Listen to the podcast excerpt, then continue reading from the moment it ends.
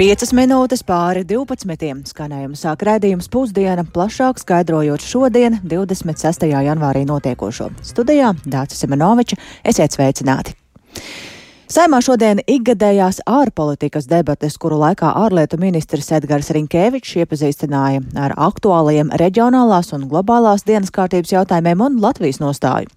Šogad uzmanības centrā, protams, Krievijas nepamatoti sāktais karš Ukrainā, palīdzība Ukrainai un Krievijas saukšana pie atbildības.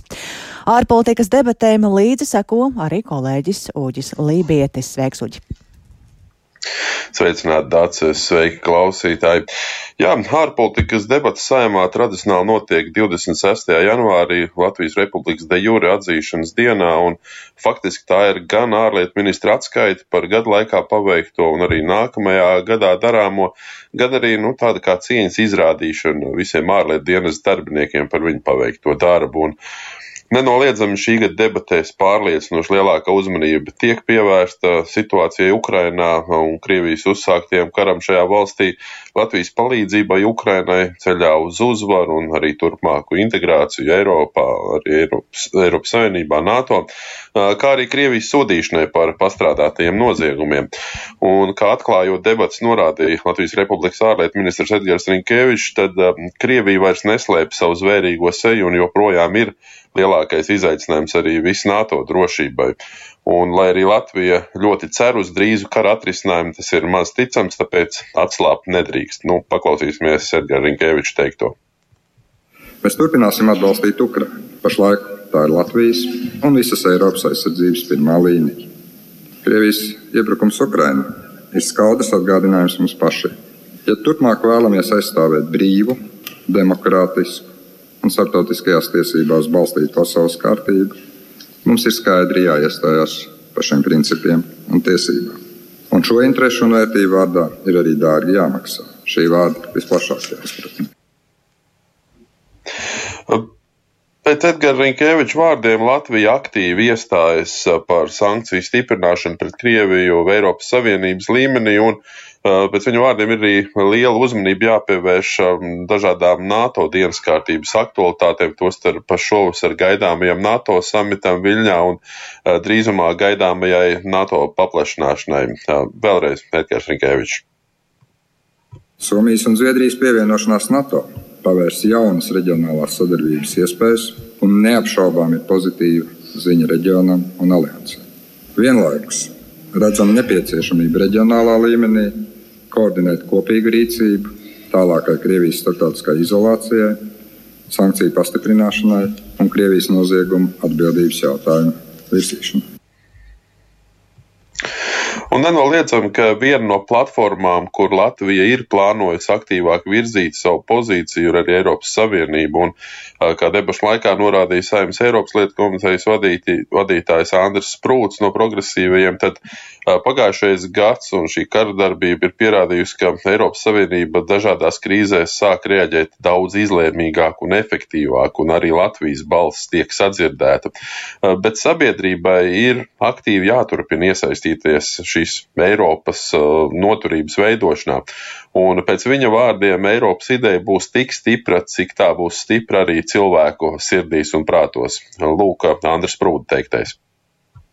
Un nedrošības laikmetā Eiropas Savienības un tās dalībvalstu līderu un sabiedrības miedarbība iegūst jaunu spēku un arī nepieciešamību.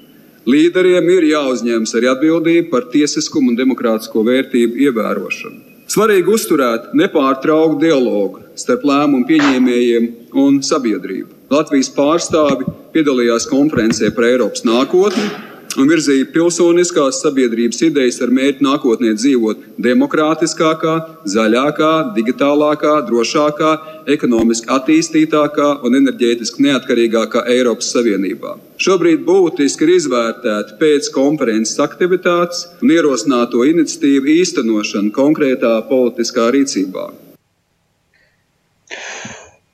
Tā Andris Sprūts no Eiropas lietu komitejas, starp citu, par pilsoņu aktīvu iesaistu un iesaistīšanos par mūsdienu demokrātiskajām vērtībām runāja arī ministra prezidents Krišjāns Kariņš no jaunās vienotības, un pēc viņu vārdiem iestāšanās par kopīgām vērtībām ir spēcīgs un noturīgs sabiedrības pamats un arī viens no iemesliem, lai kopīgi veicinātu valsts ekonomisko attīstību.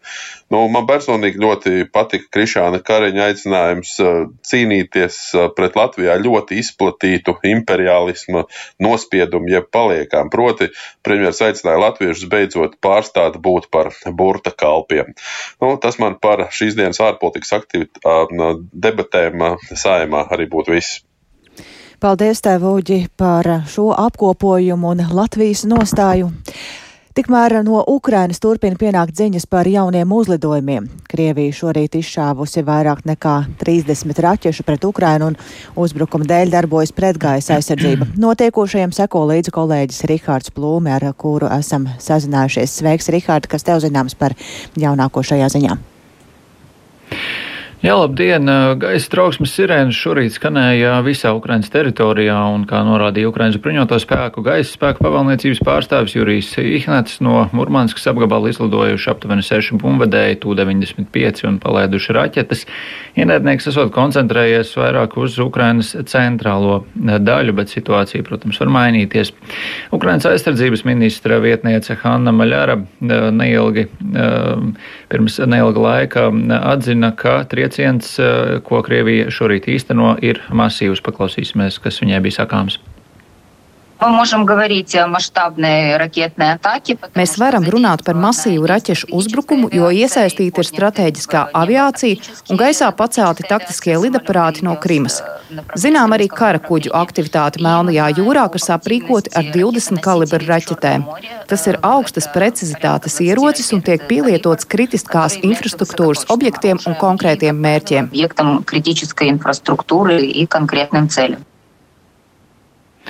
Vairākos apgabalos ir dzirdēti sprādzieni un zināms, ka pretgaisa aizsardzība darbojās daudzviet valstī, tostarp Kijevas, Vinnicas, Odesas, Žitomiras, Zaporīžas, arī Ņipropetrovskas apgabalos. Par uzbrukumu mērķi atkal ir kļuvusi Ukrainas enerģētikas infrastruktūra un vairākās pilsētās un apgabalos raķešu draudu dēļ tika atslēgta elektrība.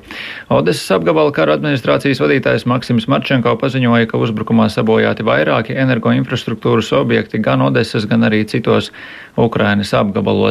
Tikmēr Kijevas pilsētas kara administrācijas vadītājs Serhijas Popko pavēstīja, ka Kijevas virzienā Krievi izšāvuši vairāk nekā 15 pārnoto raķešu un tās visas esot notriektas, bet eh, Kijevas mērs Vitālijas Kličko paziņoja, ka galvaspilsētā nograndas sprādziens un aicināja iedzīvotājus palikt patvērtnēs. Kličko un kara administrācija ziņo, ka galvaspilsētas Holusijevskas rajonā nogāzušās, nogāzušās raķetes daļas, un tā rezultātā gājis bojā viens cilvēks un vēl divi guvuši ievainojumus. Vēl pirms Krievijas šī rīta raķešu triecieniem Ukrainas armija naktī uz ceturtdienu notrieca 24 Krievijas palaistos kamikādzes Irānā ražotos dronus, un šis dronu uzlidojums, kā norāda Ukrainas puse, varētu būt veikts, lai izkliedētu pretgaisa aizsardzību un atklātu arī pretgaisa aizsardzības pozīcijas. Tik tālu Rikārds Plūme, un um, šī rīta pretgaisa aizsardzības sistēmas ir dzirdējusi arī kolēģe Indra Sprānce, kura šobrīd ir Kīvā, un tāpēc esam ar viņu sazvanījušies. Labdien, Indra, kur tu šobrīd atrodies?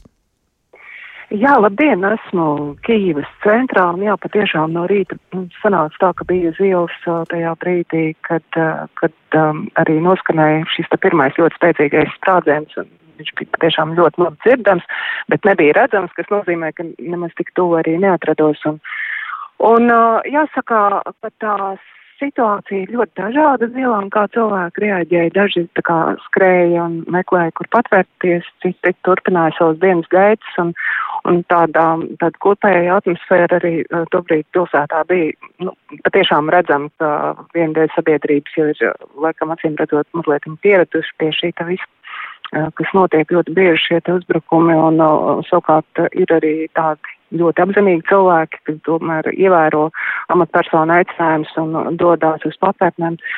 Es arī pati šodien apmeklēju metro staciju, kas ir ļoti liela šeit centrā un kur vienmēr arī pulcējās liels skaits cilvēku apzinīgās sabiedrības daļas, kas ievēro norādījumus, un tur arī patiešām šodien visas tās stundas daudz cilvēki uzturējās, bija atnākuši ar ar līdzi ar kreisliņiem, ar paklājiņiem, uz kuriem sēdēt, citiem līdz kafiju, um, nu, gatavojušies un, un, un ievērot citu ar saviem aizdzīvniekiem, arī diezgan daudz šoreiz tur pulcējās. Uh, tā kā, bet kopumā atmosfēra mierīga, um, nu, cilvēki, um, nu, nav nekāda stresa, um, kaut kāds um, liela satraukuma lielāka kā parasti. Uh, Um, es arī runāju ar kundzēm, kuras uh, sacīja, nu, ka viņas um, nu, neuzskata, ka arī šī te metro vieta būtu tā drošākā, bet nu, tas ir vienīgais, kas ir pieejams pilsētā. Un, un uh, viņi izmanto uh, šīs te iespējas. Jā, tātad, uh, jā Indra, mēs varam arī šajā brīdī paklausīties uh, nelielu fragmentiņu no iedzīvotājiem. Kad notiek bombardēšana, ir ļoti grūti. Mēs daudz lūdzamies, lūdzam Dievu. Mums Kīvā ir daudz svētvietu. Lūdzamies, lai palīdz mūsu karavīriem, iedzīvotājiem, bērniem, visai Ukrainai. Jā, un, protams, jau cilvēki nāk uz šīm patvērtnēm tad, kad ir informācija par to, ka ir reāli uzbrukumi, jo, nu, nevienmēr, ne pie, ne pie katras sirēnas viņi tā rīkojās, jo ļoti bieži ir tā, ka ir šīs sirēnas, ir, ir kaut kādas kustības, kas liecina, ka varētu būt šie uzbrukumi, bet realitātē viņi nenotiek, un tad cilvēki patiešām seko līdzi, vai, vai ir reālais uzbrukums, un, un tad, kad cenšas doties uz šīm patvērtnēm. Un cik ilgi trauksme šorīt turpinājās un kā vispār vai pēdējā laikā bieži ir šādas uh, brīdinājuma trauksmes par uzlidojumiem? Īstenībā bija pēdējā laikā bija salīdzinoši klusi līdz pat vakardienai, kad sākās vakar bija pa dienu vairākas, arī šonakt bija vairākas, un tad, protams, no rīta sākās šī te, kas noslēdzās burtiski pirms dažas minūtes pirms, pirms mums izdevās sazvanīties. Tā kā cilvēki ar saviem soliņiem un paklājiņiem ir šobrīd devušies ārā no, no patvērtnēm ielās. Paldies tev, Indrā, tik tālu aktuālās ziņas no pašas Kīvas. Thank you.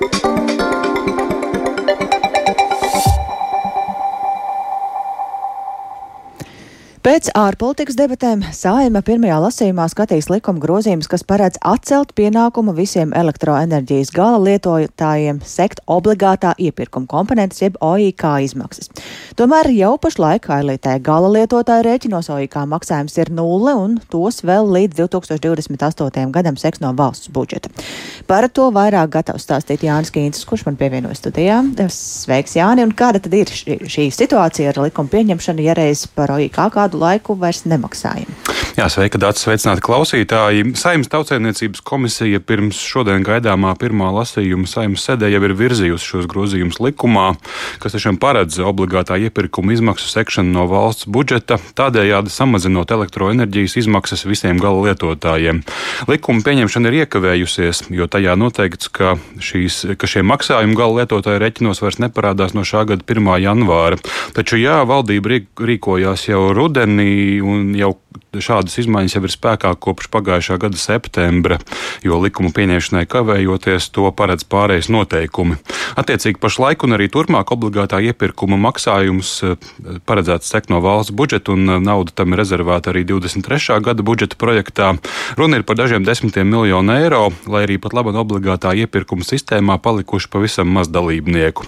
Kāpēc tā? Skaidro klimata un enerģētikas ministrijas valsts sekretāre Līga Kurevska. Īpaši 22. gadā, ievērojot elektroenerģijas tirgus dinamiku un ļoti augstās elektroenerģijas cenas, ļoti liela daļa obligātā iepirkuma saņēmēju no atbalsta schēmas izstājās. Šobrīd palikuši ir 16 saņēmēji. Kontekstam mēs runājam sākotnēji par kādiem aptuveni 400 saņēmējiem. Attiecīgi, tiešām tas samazinājums ir bijis ļoti dramatisks. Tieši šī samazinājuma dēļ arī ir sagaidāms, ka valsts atbalsts būs nepieciešams, jo ar elektroenerģijas publiskā tirgotāja ieņēmumiem no šīs elektrības tirniecības nepietiks, lai nosaktu šos jaudas maksājumus. Jaudas maksājumi mums ir trīs komersantiem, un viņi beidzas attiecīgi 27. vai 28. gadā. Obligātajā iepirkumā tātad pašlaik, pašlaik darbojas 16 enerģijas ražotāji. No tiem sešām hidroelektrostacijām obligātā iepirkuma tiesības beigsies jau nākamajā mēnesī. Tātad valsts atbalsta sistēmā turpinās piedalīties desmit elektroenerģijas ražotāji. Oika jaudas maksājumus saņem Latvijas energocentrāle, Juglas jauda un uzņēmums Gren Jelgavā. Un viņi kopā no valsts budžeta šogad plānots, ka saņems 28,8 miljonus eiro. Tajā skaitā Latvijas energo par uzstādītajām elektroenerģijas jaudām, jaudas maksām saņems 21 miljonu eiro. Un tas ir saskaņots arī ar Eiropas komisiju, jo šis maksājums būtisks Latvijas enerģētiskās drošības nodrošināšanai. Tā to skaidrojusi Klimata un enerģētikas ministrija. Nu, kā jau dzirdējām, jau pašlaik zināms, ka obligātā iepirkuma sistēmas periods beigsies 2028. gadā. Vienlaikus saimnes deputāti arī inicijēs sarunu par jauniem risinājumiem atjaunojamās enerģijas ražošanas atbalstam līdz ar OIKA darbības beigām. Bet pieminētos likuma grozījumus eh, pātrinātā kārtībā un galīgajā lasījumā saimā ieplānots pieņemt pēc pāris nedēļām, 9. februārī. Paldies, Jāni, ka ieviesi skaidrību šajā jautājumā. Un mēs turpinām ar to, ka no februāra valsts policijas kurzemes reģiona pārvaldē iedzīvotājiem ierasto piecu vietā būs divi policijas iecirkņi - Ziemeļkurzemes un Dienvidkurzemes. Tas ir turpinājums policijas iesāktajām pārmaiņām, kas jau no pagājušā gada beigām ir notikušas visā Latvijā. Līdz ar to policija mierina, ka iedzīvotāji reorganizāciju neizjutīs, taču Kāpēc šādas pārmaiņas notiek, to zina stāstīt kolēģi Līna Spundiņa. Viņa šobrīd studijā. Sveika, Linda, un vispirms tātad par kurzemi un pārmaiņām tur. Kas mainīsies? Sveika, Dārts! Labdien, klausītāji! Jā, kā jau minēja, pieci iecirkņu vietā kurzmē no nākamās nedēļas būs divi, taču policija skaidro, ka saglabās struktūra vienību līdzinājās atrašanās vietas un pieejamību. Ziemeļkurzemes iecirknī ietilps Ventspils, Talsi, Kuldīga, Dienvidkurzemes iecirknī iecirkni veidos Saldus un Liepāja apvienojoties. Šodien uz kurzem devies arī valsts policijas priekšnieks Armāns Ruks, lai kolēģiem pārunātu pārmaiņas, un tad tās arī viņš mums ieskicēja. Izvietojuma lokācija nemainās, mainās vienkārši policijas vadīšanas pieeja, tātad samazinot vadītāju skaitu, ieviešot to saucamo grupu vadības principu, kas nozīmē, ka darbs uz ielas reaģējošā policista izpildījumā notiek uh, grupu līderu vadībā. Jā, agrāk mums kurzemē bija pieci iecirkņi un attiecīgi katrā iecirknī bija piecas šīs te operatīvās reaģēšanas grupas. Tad eh, šobrīd ir jau Ziemeļu kurzemes iecirknī jau ir seši šādi norīkojumi, un eh, Dienvidu kurzemes iecirknī septiņi, tātad eh, piecu vietā trīspadsmit. Un Kurzemes reģiona pārvaldes priekšnieks Induls Blīgsne man sacīja, ka pārmaiņas pārunāts arī ar pašvaldībām un pašvaldības policiju, un lielas problēmas šobrīd nesaredz. Policijas priekšnieks Ruks minēja, ka šīs pārmaiņas ir ieguvums un rēģējošā policista funkcijas ir plašas, tostarp patrulēt uz ceļiem, un tagad Kurzemē šādi policisti būs 190, gan arī divreiz vairāk nekā iepriekš. Savukārt iepriekš visā valstī ceļu satiksmes uzraudzības struktūra vienībās bija 400 policistu. Un jāmin, ka pārmaiņas eh, nepiedzīvo tikai kurzeme, tās notiek visā valstī. No 1. novembra vidzemes reģiona pārvalde iepriekš septiņu iecirkņu vietā tagad ir eh, trīs iecirkņi. Tas ir rietumu vidzemes, ziemeļu vidzemes un dienvidu vidzemes. Un līdz šim valsts policijas zemgales reģiona pārvaldes paspārnē tagad ir iepriekšējo sešu iecirkņu vietā eh, no 1. decembra ir trīs, un priekšā vēl pārmaiņas ir Latgalē. Tās stāsies spēkā spēkā no marta, un eh, pēc tam reformas būs Rīgā, un pēc pārmaiņām būs Rīgā trīs pārvaldes. Un eh, Rukam tieši vaicāja arī par pārmaiņām Latgalē, un vai tās nebūs grūti īstenot, ņemot vērā nodarbinātību šajā reģionā, un viņš skaidroja, ka tieši Latgale ir viena no tām vietām, kur kadru trūkums nav tik liels, izteikts trūkums ir Rīgā. Un eh, par šīm pārmaiņām tad paredzēts, ka reformas īstenos līdz 1. jūlijam. Tātad daudz dažādu pārmaiņu, kā tas sabiedrības drošību ietekmēs? Jā, nu, jāuzsver, ka pārmaiņas skar pašu pārvaldes darbu organizāciju, un, un kā jau minēja, arī nemazina ne policistu skaitu, ne iedzīvotājiem ierasto policijas struktūru vienību atrašanās vietas lielajās pilsētās. Pārvalde pāriet uz grupu vadības principu primāri uz trim virzieniem, kas ir reaģēšana, izmeklēšana un prevencija. Un reaģēšanas policistu varam uztvert kā tādu universālo policistu, kam būs plašāka kompetence un kas ir mobils. Tādējādi policija kļūs vēl redzamāka. Un, Protams, darbiniekiem priekšā vēl apmācības, taču Ruks ir pārliecināts, pārliecināts ka šīs pārmaiņas nesīs ieguvumu sabiedrībai. Vai tā būs, to skatīsimies. Paldies, tev, Lindas!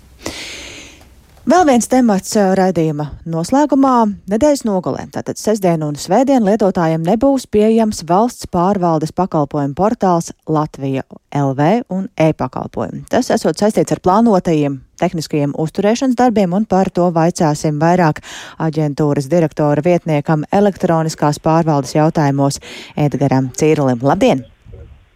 Labdien! Divas dienas tomēr pietiekami ilgs laiks, Ko tieši ir paredzēts darīt un kādus uzlabojumus tad lietotāji redzēs pirmdien, kad portāls atkal būs iedzīvotājiem pieejams?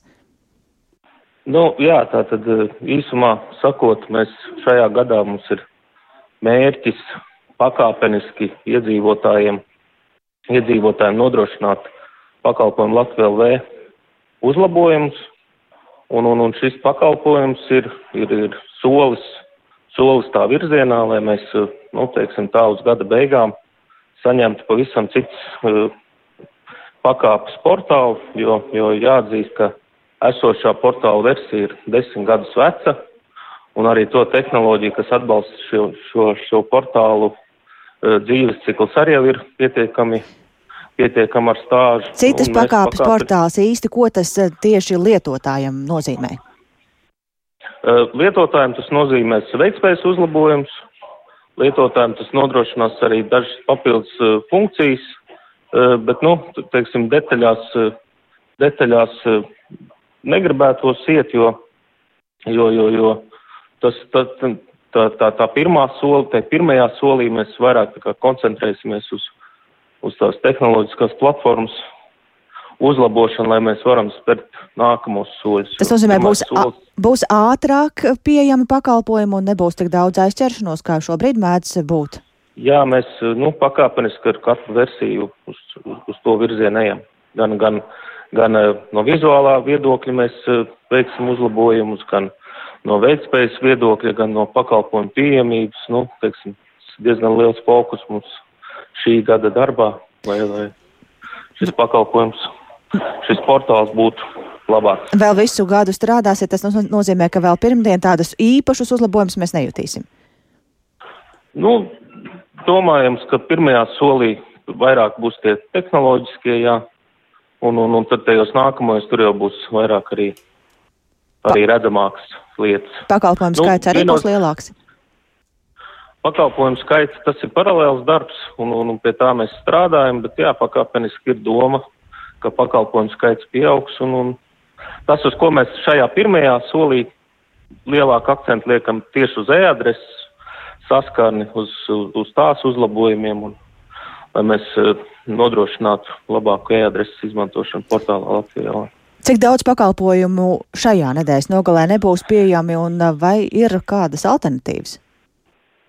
Tad šajā nedēļas nogalē nebūs pieejams neviens no Latvijas e-pakalpojumiem būs pieejami visi tie e-pakalpojumi, kas ir citos portālos, pieņemsim, VDS, BIS, eh, eh, e-veselība, tie, tie visi portāli netiks ietekmēti, bet tie, tie e-pakalpojumi, kas ir Latvija LV, tie nebūs pieejami šīs nedēļas nogalē, un, un tāpēc aicinam, eh, ja ir kāds steidzama vajadzība izpildīt pakalpojumu šodien rīt vai pirmdien izpildīt, jo Tie brīvdienās tie nebūs pieejami. Varat minēt eh, pavisam varbūt īsi, kuri ir tie pakalpojumi, kuriem vispār nav alternatīva un vai nav bažas, ka nokavēs kādus termiņus iedzīvotāji? Un teiksim tā, Latvija LV nav tādu kritisku pakalpojumu, kas tur ietekmē, piemēram, cilvēku veselību vai, vai, vai kaut kādas tādas lietas.